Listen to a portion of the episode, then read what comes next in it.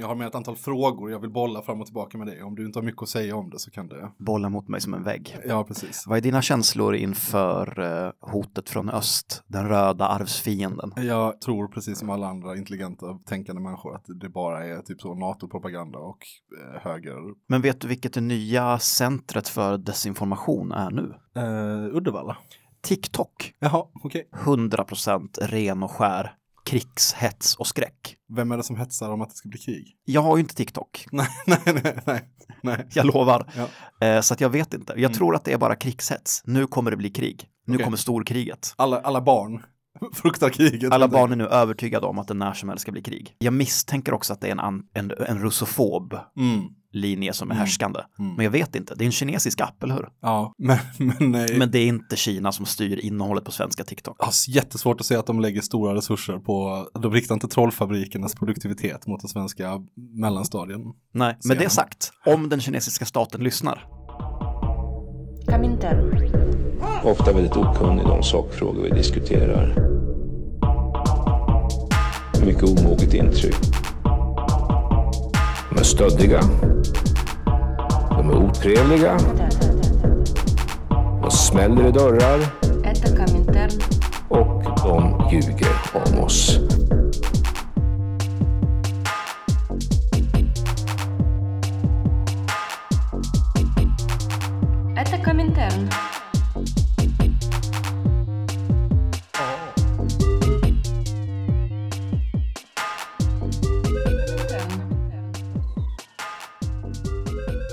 Du, vi är bara två idag, Gaspar. Ja, hur, hur mår du Andreas? Eh, jag har ju inlett året med The Rona.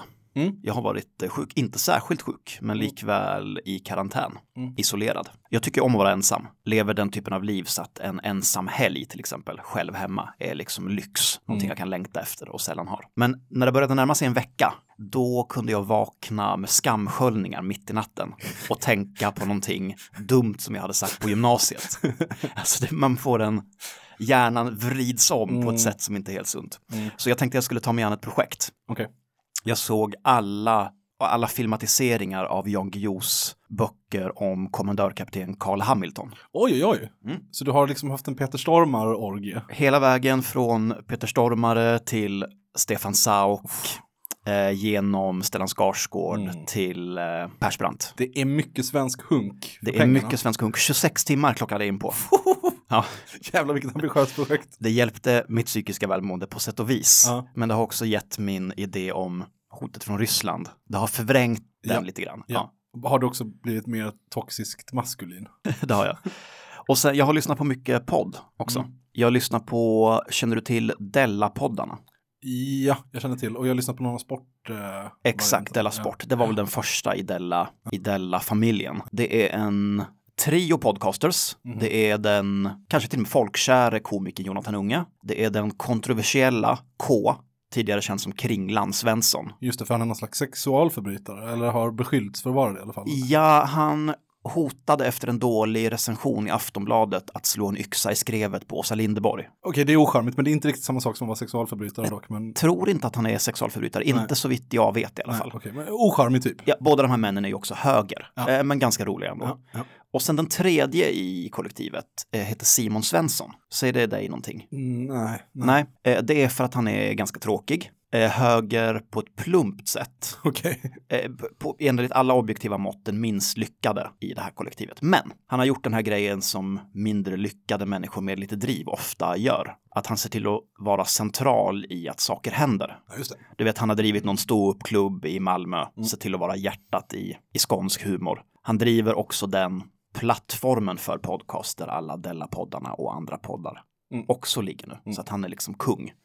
Det märks också tycker jag ibland i poddarna att eh, det känns av lite i dynamiken. Att han är den som är den jobbiga jäveln. Mm. Han tjatar på den konstnärliga talangen, ser till Mm, att de kommer i tid, just att poddarna släpps, ser till att få lite betalt för det och så vidare. En dynamik som jag inte tänker är helt ovanlig i kreativa kollektiv. Nej, du känner igen det här. Jag insåg ju direkt att jag är ju den här podden Simon Svensson. Du är den här podden Simon Svensson, du är den här poddens kardinal Richelieu, den grå eminensen. Ja, Så är visst. Mm.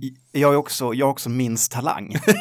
det skulle jag inte vilja. Jo, men så är det. Jag, har, jag omger mig med tre stycken på olika sätt kreativa genier. Och jag är den torra och lite fyrkantiga motorn.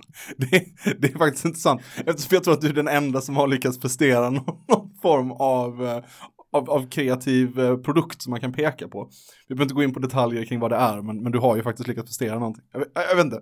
Jag, tycker- jag tycker det är en skev självbild. Ja, jag är inte helt, eh, helt övertygad faktiskt. Jag, jag tror att det, det är så. Och Jag har förli- det gjorde ont till en början, men jag har nu förlikat mig med det. Och det ska lyssnarna veta att det är mycket mig att tacka för att saker kommer ut i tid och att det låter som det låter. Eh. Inte bara, men, men Eh, Till eh, kanske 80 procent. ja, ja. Eh, och ingen procent mig. Jag ligger på helt andra sidan spektrat. Nej, men å andra sidan skulle det inte gå att göra utan dig. För att Nej. du har den här rena strålen, Eh, Kaosartad. kaosartad podcasting Svår- som skjuter ut ur fontanellen på dig. ja. Ja. så är det. Jo. Hur är det själv? Det är bra, det är skönt att eh, lovet över och komma igång igen, tillbaka på jobbet. Jag, jag tänkte, det kändes lite jobbigt i början av, eller i slutet av jullovet. Tänkte, hade jag den här vanliga jobbångesten, men nu när jag är tillbaka känns det ganska skönt. Ah, ja, rädslan för att börja jobba. Precis.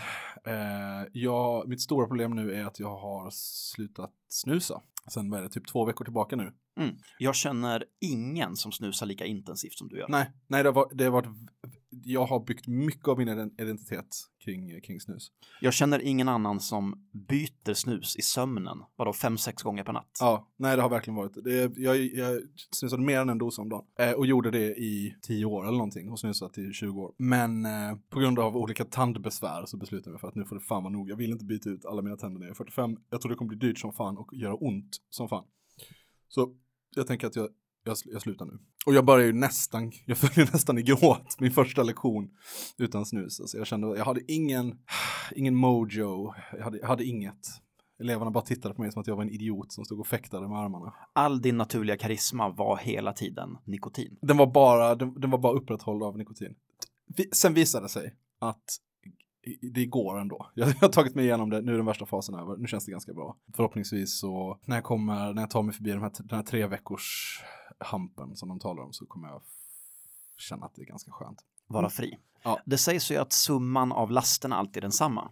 Säger jag och plockar fram mina nikotintuggummi Ja. som jag trycker i mig som en tablettmissbrukare på 90-talet. Men du har tänkt bli audiofil istället? Eller vad ska du liksom ersätta det med? Mm. Jag tänkte kanalisera mitt nikotinberoende in i ett hi-fi-beroende. Det är, det är planen i alla fall. Vi får se hur det går. Det är, inte, det är en djup och snårig värld att ge sig in i, men jag ser fram emot det också. Jag har börjat med att köpa en väldigt, väldigt dyr möbel och ha allting på. Men den är classy. Ja, den är väldigt snygg. Den är väldigt snygg. Det tog oss ett par timmar att sätta ihop. Men nu är den inte, den är inte sned ens. Så att, till skillnad från alla andra möbler jag någonsin har byggt. Nej, tro det eller ej, men jag och Gaspar är inte två unga män som med lätthet angriper ett möbelbyggarprojekt. Du, eh, Rollspelspodden rullar nu. Mm. Idag när vi spelade in så släpptes del två Mm. för, eh, för vanliga lyssnare. Patreons har jag haft dem allihopa. Har du fått någon eh, feedback? Ja, det har jag. Min rollspelsgrupp tyckte det var bra. De gillade det, tyckte det var kul. Sen så lite från omvägar så har jag fått höra att några av mina så här, rollspels husgudar som jag håller högt liksom har också eh, hört av sig och till vår spelledare då och sagt att ah, det här var fint fint och det här, det här borde man lyssna på. Bra jobbat och sådär. Och det är ju kul att höra. Liksom. Ehm, det här är Patreon-podd januari. Det är ditt avsnitt. Mm. Vad har du bestämt att vi ska prata om idag? Jag hade tänkt att vi ska prata om två saker. Jag tänkte att vi ska prata om estetik och politik. Alltså vad, vad, vad, var de möts, olika ideologier, hur de landar estetiskt och så vidare. Och sen så eh, är det svårt att komma undan därifrån och tala om eh, totalitarismbegreppet. Så här finns det, vad är, vad är likheterna mellan till exempel då stalinism och eh, nazism? nationalsocialism. Ser man, ser man de likheterna eller skillnaderna då i, i kanske arkitektur till exempel? Eh, jag är intresserad av arkitektur mycket i det här, i det här samtalet. Så där tänkte jag att vi ska prata. Ja, för det var min... Du bad mig att fundera lite på politisk estetik. Mm. Och det var ju någonstans där jag landade också. Jag tänkte på sovjetisk eh, brutalism eller på Mussolinis eh, Italien och på kostymer och stora hus. Ja, just det. Jag tänker vi ska ta avstamp i eh, år 1937 i Paris. Då äger en världsutställning rum. Eh, en världsutställning var något som man sysslade med i Västeuropa på 20-30-talet. Där eh, någon huvudstad i Europa stod som värd för en, eh, en utställning där alla, eller där många länder kunde liksom ställa upp olika paviljonger och visa upp olika fantastiska byggnadsverk.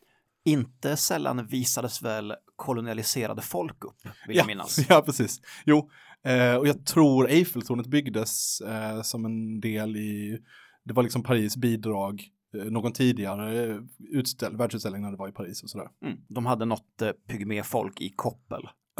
I, så, I en genuin by och sen ett skitstort stålverk. Ja, som blev så omtyckt att de valde att ha kvar, att inte plocka isär. Men 1937 så eh, är världsutställningen eh, Eh, den utförs i en anda av desperat optimism, tror jag eh, det är beskrivet som. Alltså därför att, du vet, det är inbördeskrig i Spanien, eh, Nazityskland börjar skramla med sabeln, det ser inte jättebra ut i Sovjet, för de håller på att börja kriga med Japan i Kina, Japan fortsätter att folkmörda, ja, folkmörda folk i Kina. Jag vet inte om Nanking har ägt rum 37 än, men, men det är på gång. Alltså det, det, det är en obehaglig tid att leva i. Du kanske sett den här memen, jag tror att det är en hund som sitter i ett brinnande rum och säger This is fine. Just precis, exakt så är den, eh, den, den socialistiska, den milt socialistiska regeringen i Paris är exakt så. De är this is fine-hunden och sen så bestämmer sig för att vi ska ha en världsutställning. Eh, och då har liksom hedersplatserna i, till världsutställningen, de, de två liksom, de mest prestigefyllda paviljongerna som ligger mitt emot varandra på, på eh, floden Seines eh, stränder liksom. Eh, de har gått till Sovjetunionens och eh, respektive Nazitysklands eh, utställningar. Och det ska tydligen ha tappats en del hakor eller höjts en del ögonbryn när de liksom visar sina respektive byggnadsverk och de är väldigt lika varandra. Det blir på något sätt lite märkligt när de här två, liksom, som ska vara liksom diametrala motpolerna, har väldigt, väldigt ehm, snarlika liksom, byggnadsverk. Aha, vad spännande. Men det, det, är också så att det finns en, en, liten, en liten intressant touch på det här. Och det är för att eh, Albert Speer har då ritat en av Nazitysklands såklart. Och så är det en, en rysk eh, arkitekt som heter Boris Jofan som har gjort den andra. Men det visar sig att Albert Speer har på fyllan och villan kanske gått vilse några månader tidigare och råkat gå in i den sovjetiska delegationens eh, ritningsrum. Nej, och tagit inspiration därifrån. Sett den sovjetiska byggnaden och sen så mer eller mindre stulit den rakt av. Ja, eftersom den var på alla sätt överlägsen. På, på alla sätt överlägsen. I estetik och kanske framförallt funktionalitet, tänker jag. Ja, men det här är bara en, det här är en lite lustig historia som eh, eh författaren Peter Englund tar upp i sin eh, essäsamling Brev från nollpunkten. Där han eh, i vad är det, alltså fem essäer eller någonting tar upp eh, olika fasansfulla saker som hände under 1900-talet. Liksom. Något från första världskriget, något från Auschwitz, eh, något bla bla bla bla. Eh, men han har också ett kapitel där han, där han, där han liksom ger sig i kast med vad heter det, totalitarismbegreppet. Varför är totalitära, hur, vad är totalitära, han, han köper ju totalitarismgrejen 100% liksom. För han är vid det här laget i sin författarkarriär en skittråkig liberal. Skicklig skribent men, men ideologiskt bankrutt. Behöver vi säga någonting om totalitarismbegreppet? Mm, eh, vi, vi kanske ska göra det. Så här kan man väl säga. Det finns en, eh, som dök upp kanske efter krigstiden främst, en, en idé om att om man är för mycket emot liberalism så kommer man förr eller senare hamna på en slags ondskefull nollpunkt. Mm. Det är the original lika goda kålsupare. Precis. Och det var Hanna Arendt. Jag, vet, jag tänker det också, men ja. i min okunnighet så vågade jag inte säga det. Jo, men jag tänker mig att det var det. Och var det inte det så är det hon som har populariserat det. Framträdande i alla fall, ja. ja. Eh, och tanken är då att eh, oavsett om man, är, om man är kommunist eller nazist så om man är för mycket mot liberalism och för mycket mot någon slags individuell frihetsbegrepp. Mm. Så som det, det som är det neutrala. Ja, precis, vad de tycker är det, liksom det korrekta.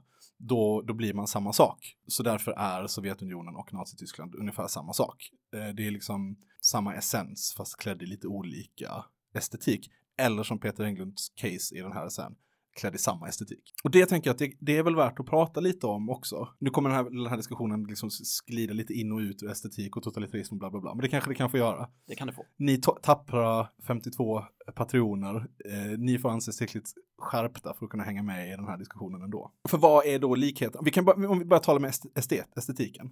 Eh, och vi bara, vi, vi, för att inte gå för långt ifrån den här inledande lilla historien om världsutställningen i Paris 1937. Vad, finns det likhet i estetik eller i arkitektonisk estetik mellan de två, mellan Sovjet och Nazityskland. Och det får man väl ändå säga att det gör det ju. Ja, eh. för ett otränat öga, definitivt. Ja, eh, för att de bygger båda skitstora hus. Alltså de bygger svinstora hus. Liksom sovjeternas palats som väl aldrig blev färdigbyggt, men om det hade blivit det hade det blivit världens största eh, byggnad liksom i, eh, jag vet inte, beräknat i antalet eh, kvadratmeter som det täckte liksom. eller sånt där. Nazityska folkhallen eller något sånt där som inte heller blev färdigbyggd, men på, som skulle byggas i München eller någonting. Också en gigantisk byggnad. Båda var, båda, både, både i Sovjet och i Nazityskland så var man ju väldigt intresserad av, de var så här mot modernism, men Eh, de ville att saker skulle vara modernt. Liksom. Fast också så att båda, både sovjeterna och, och Nazityskland var också väldigt intresserade av det antika arvet.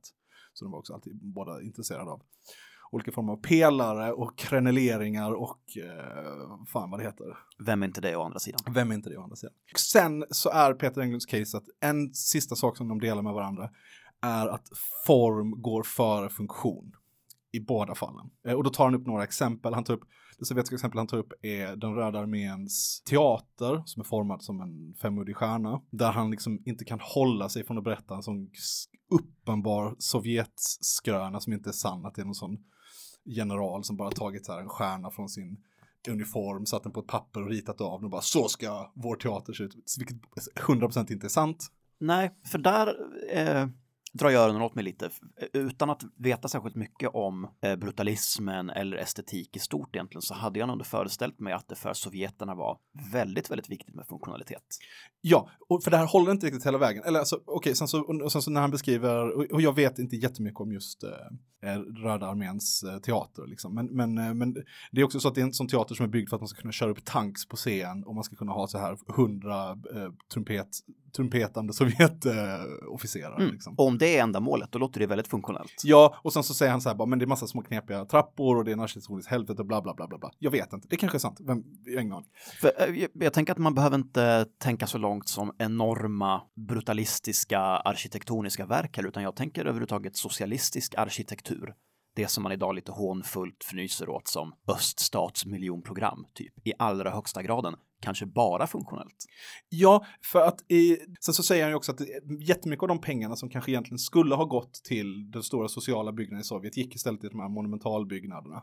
Eh, och det är kanske sant och så, men det byggs ju också extremt stora mängder bostäder. Alltså även, även om kanske mycket pengar försvinner bort i sådana här vansinnesprojekt så byggs det också fruktansvärt mycket bostäder. Och det som han förfasar sig över, där han ser liksom, där, där, där Peter Englund liksom ser det yttersta beviset på liksom vad han kallar totalitär arkitektur, det vill säga byggnader där man ska kunna leva hela sitt liv i en byggnad.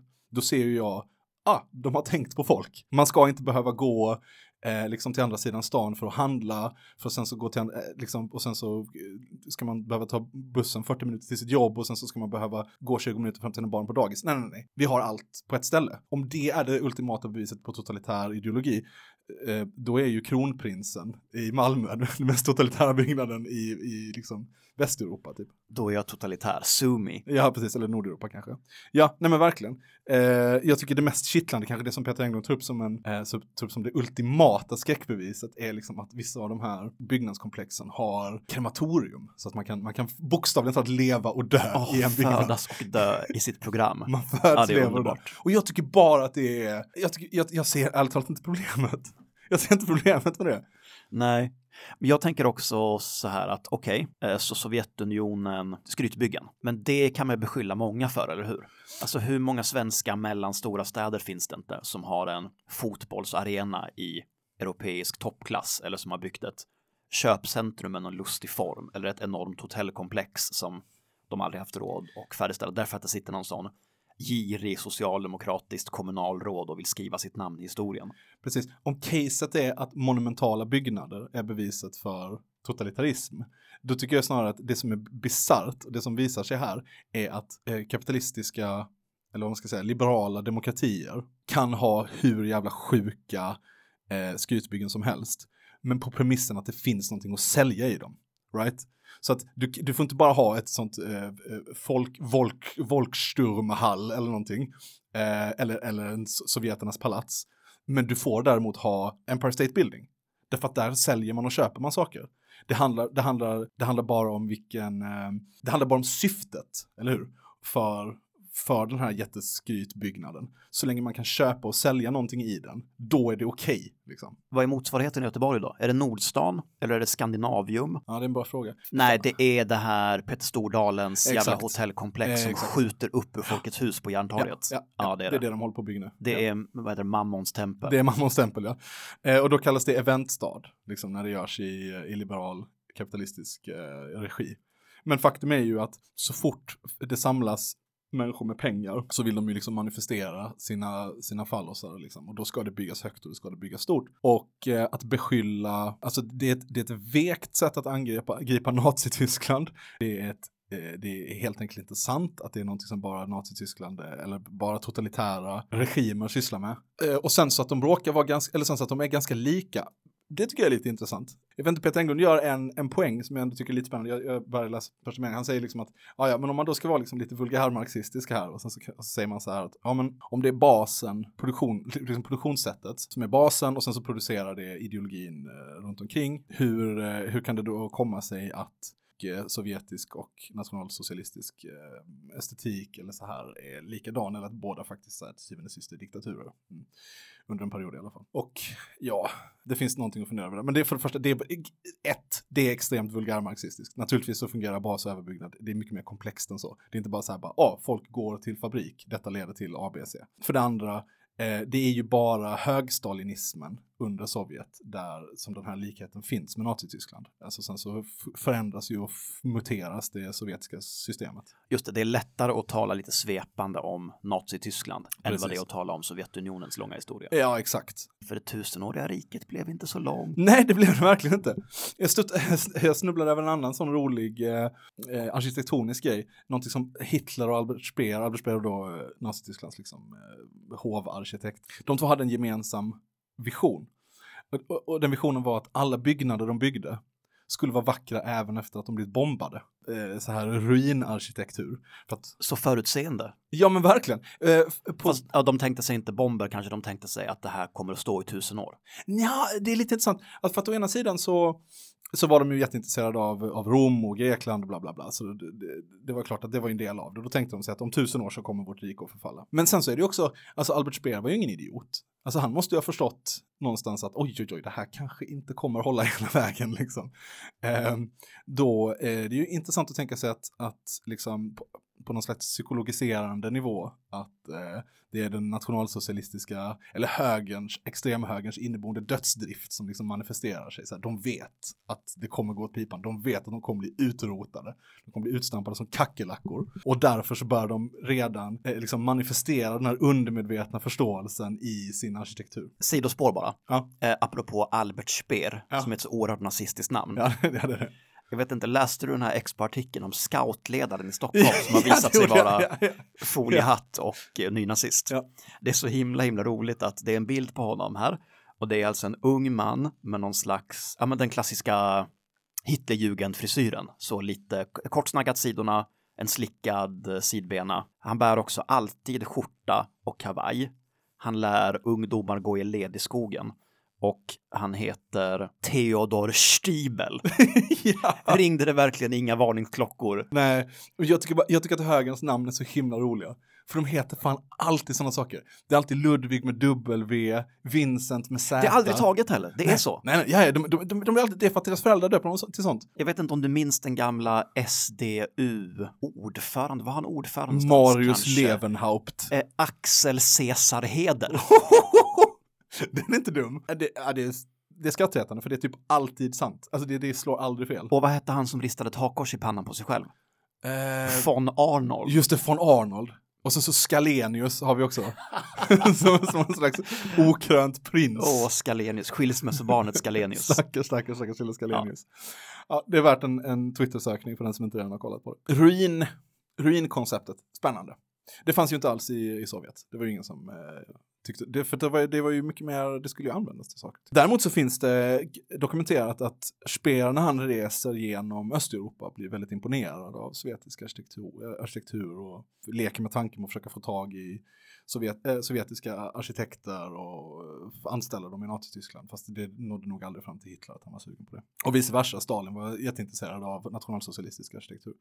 Jag är alltid lite skeptisk till att knyta för mycket av sovjetisk ideologi i figuren Stalin. Därför att det är oftast ett, ett, liberalt grepp. Ja, det görs väl i så hög utsträckning. Vi behöver inte bidra till det ytterligare. Nej, precis. Ja, men det, det, det är väl några tankar om om arkitektur. Liksom. Att, att jag tror verkligen inte att det finns en totalitär arkitektur. Jag tror att det som skiljer sovjetisk, sovjetisk och, och nazistisk arkitektur för övrigt från, eh, från liberaldemokratisk är att det inte finns ett, det finns ett inbyggt att någonting måste köpas eller säljas i det. Och så fort, och, och vad en liberal då ser är någonting som är lite suspekt. Oh, vadå, vad, vad är det här? Ska ingenting köpas eller säljas? Ja, men då måste det helt plötsligt, då måste det ju vara politik eller mystik eller, eller politisk mysticism.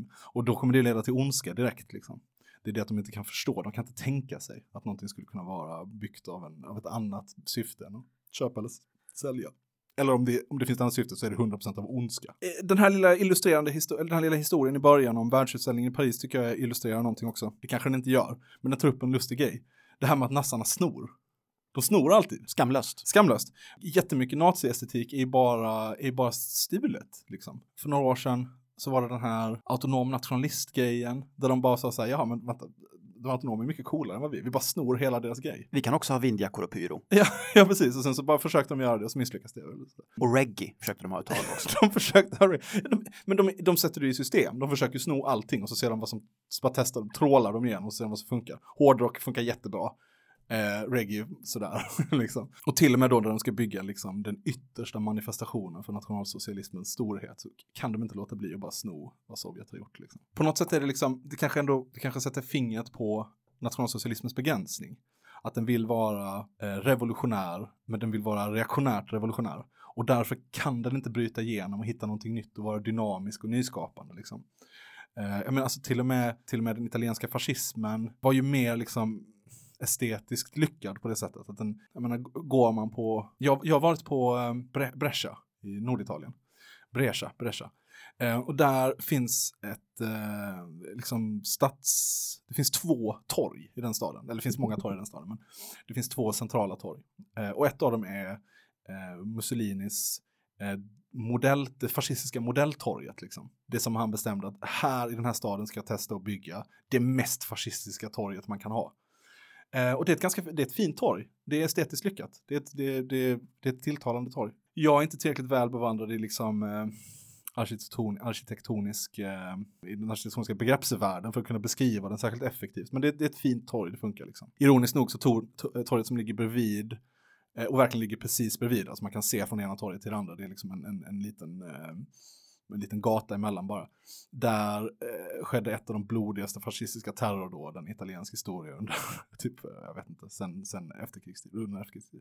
Brände av en bomb, det var en antifascistisk demonstration och så sprängde nassarna en spikbomb, dödade, 70-80 personer någonting. Men då, det är ju åtminstone ganska estetiskt lyckat. Jag vet fan om det finns så mycket man kan säga om nationalsocialismen som är så estetiskt lyckat. Eh, det är ju krig, eh, uniformer och sånt där. Det, det, det löser de. Mm. Eh, det rena våldet, det kan de, eh, det kan de ståta upp med liksom. Ett dumt och destruktivt mansideal. Ja, precis. Men okej, okay, nu tänker jag fritt här. Mm. Eh, jag tänker på den uppburne fascismforskaren Roger Griffins. Mm. Han heter väl så, det är väl hans definition som är typ allmänt vedertagen, eller? Alltså att fascismens kärna är bla bla bla mytbildningen om återskapandet av någon slags forna nation.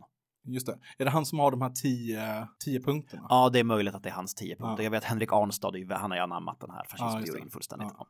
Eh, vi behöver inte bråka om fascismteori här. Men, men, om, om Roger Griffins har rätt så tänker jag att estetiken och, och stölderna handlar om att försöka återskapa någonting som ju aldrig har funnits.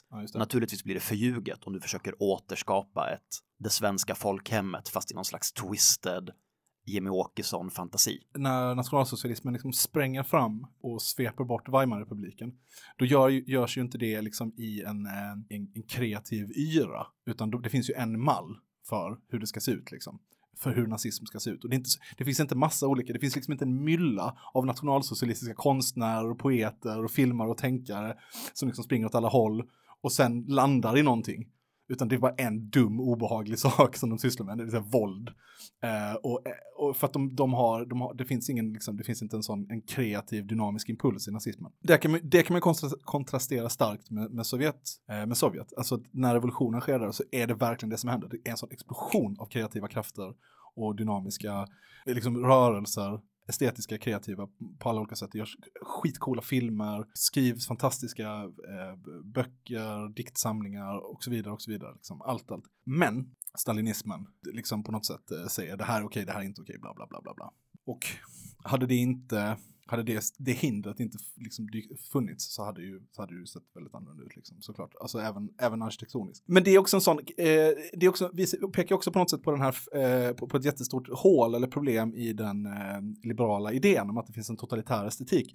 Nationalsocialismen var ju från dag ett, steg ett bara, den hade ju bara en den, den, var ju inte intresserad av, av ett fritt utlopp av estetiska uttryck, liksom, utan den hade en sak den ville pressa ner i halsen på dig. Som, som väl var liksom lyckat eller så här ändamålsenligt, det funkade för dem, men, det, men vi talar inte om en mylla av olika kreativa, om en kreativ miljö liksom. Till skillnad från då... Det är också väldigt effektivt och ändamålsenligt om man vill skapa krig och inte evig fred. Ja, precis. Medan i Sovjet då så, så var, var, ville verkligen, verkligen eh, konsten och estetiken vara fri, men det blev hindrat av. Och sen så kan man ju fråga sig liksom om det är av, eh, och det är väl en diskussion diskussion som, som stöts och blöts och kommer göras i årtusenden, om det är på grund av några onda personer eller om det är på grund av historiska krafter. Men vi ska inte ha när korrumperade Sovjet-diskussionen precis nu. Vi behöver kanske inte ge oss in i den, nej. Man kan väl säga att 37, då skulle jag gärna, gärna vilja påstå att... jag kunde inte låta bli. jag kunde inte låta bli. Okay.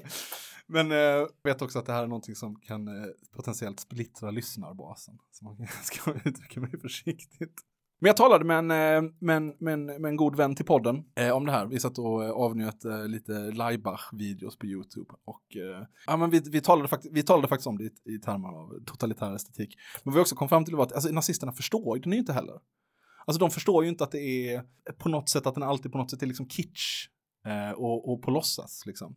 Därför att eh, vad det är att vara människa är så förgängligt och ömtåligt och, och fyllt av eh, neuroser och oro. Att, eh, att bygga ett sånt en jättestor fallos i betong är på något sätt att göra narr av sig själv. Liksom. Och det kan ju inte fascisterna förstå. Liksom. Nej, om man ska tro den norska författaren Erland Loe så är ju Österrike en dömd plats på jorden eftersom den är födsloplats både för nazismen och för kitchen. ja, och jag skulle vilja hävda att Erlendo har rätt i nästan allt. På sitt enkla nor norska sätt, liksom. Han har någon slags folk wisdom. Nu har jag i hög hastighet babblat som en kulspruta här om estetik och, mm. och fascism och Sovjet. Eh, så, så Sovjet. Ja, det var jätteintressant. Ska vi ta en paus?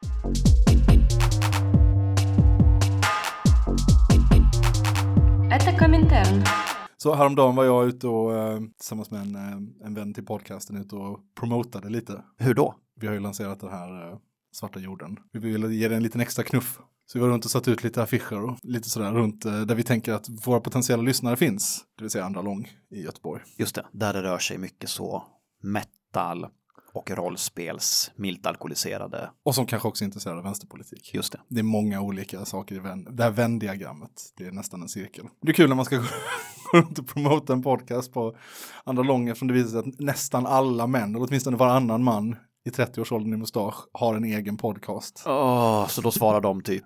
Ja, absolut. Så, så kan du lyssna på min eh, podcast som heter typ eh, Friskt vågat. Två dudes som pratar om, jag vet inte, litteratur kanske. Oh, usch, vad vidrigt att vara en del av det här. Men ja. det... Ja, det här ska, jag ska vara tydlig här. Det här är inte en diss mot dig som, som sitter och gör din egen podcast. Vi är inte bättre. Det är bara jobbigt att inse att man inte är unik, speciell, intressant eller någonting i den stilen. Utan man... Inget av det är vi. Hör ni det, Nej. lyssnare? Nej. Du, kommer du ihåg, var det förra Patreon-podden eller var det förrförra? Det var nog kanske förrförra som jag talade om Patrik Kronqvists krönika i Dagens Industri, där han talade om eh, Sverige som ett nytt Sydamerika rika människor är väldigt, väldigt rädda. Den minns jag mycket väl. Eh, om vi har en jingel för högern är rädd igen då vill jag att den spelas nu. Om vi inte har en jingel så spelar vi några sekunder av rapgruppen Kartellens En hälsning till högen. er mätta Skrattar och är glada Gabrielsson och gänget sparkar på de svaga. Men hör här, hej och jag vet vart du bor. Jag kan mantla min nya, kliva in på ditt kontor. Sätta den i käften på dig, slå dig blåkulet skott för de hemlösa i Sollentuna kommun. Den här eh, debatten, om man ska kalla det, det är ju inte riktigt en debatt tror jag, utan det handlar om att olika personer på Dagens Industri skriver krönikor och sen De skriver... hetsar upp sig. Ja, de har hetsat upp sig jättemycket. De är väldigt, väldigt rädda. Och sen skriver någon på Twitter någonting elakt och så skriver de en ny krönika. Jag, har, jag, ser, inte, jag ser inte kulturdebatten här riktigt. Nej. Men Lotta Engsell Larsson har då svarat på Patrik Kronqvists krönika i samma tidning, Dagens Industri. Mhm. Talar hon, försöker hon tala vett i honom? Eh, nej, inte alls, tvärtom. Okej. Risken har ökat för förmögna näringslivsprofiler att utsättas för våldsamma personrån. Så där är hon och Patrik helt överens. Bara de senaste dagarna har flera incidenter skett och i fredags grep polisen fyra personer misstänkta för kidnappningsplaner av en näringslivsperson. Så den här kom tidigt i december. Bostadsrånen har blivit ett alternativ till butiksrån i det numera kontantlösa samhället. Sociala medier och öppna bildregister gör det lätt för brottslingar att hitta rika statusprylar som dyra klockor är väl synliga. Bilkapning har funnits länge i USA och när svenskarna skaffade mer exklusiva bilar så kom trenden hit. Blev, wä, wä. Eh, Rubriken är jätterolig förresten. Rubriken på den här är Det är värre att vara rik än kriminell i Sverige. Jag tror du att hon medvetet parafraserar Bertolt Brecht? Det är värre, det är ett större brott att äga en bank än att råna den. Tror du, tror du att det är en medveten grej här? Nej, jag tror inte det. Ah, fan, de är så jävla dåliga. För Ja. Där har de verkligen en öppning. Det finns ju heller inget motsatsförhållande mellan rik och kriminell, eller hur? Nej, det brukar vara samma sak. ofta hand i hand. Dagens Industri, Expressen och Svenska Dagbladet, oh, den svenska journalistikens eh, Mm. De tre musketörerna. Verkligen. Har den senaste tiden skrivit om rånvågen mot rika människor. Patrik Kronqvist beskrev till exempel hur vänstern hånskrattar åt Patrik Walléns rädsla för våldsamma rån. Ja, det stämmer. Under denna smaklösa fernissa av skolgårdsmobbing ligger övertygelsen om att rikedom är stöld ja.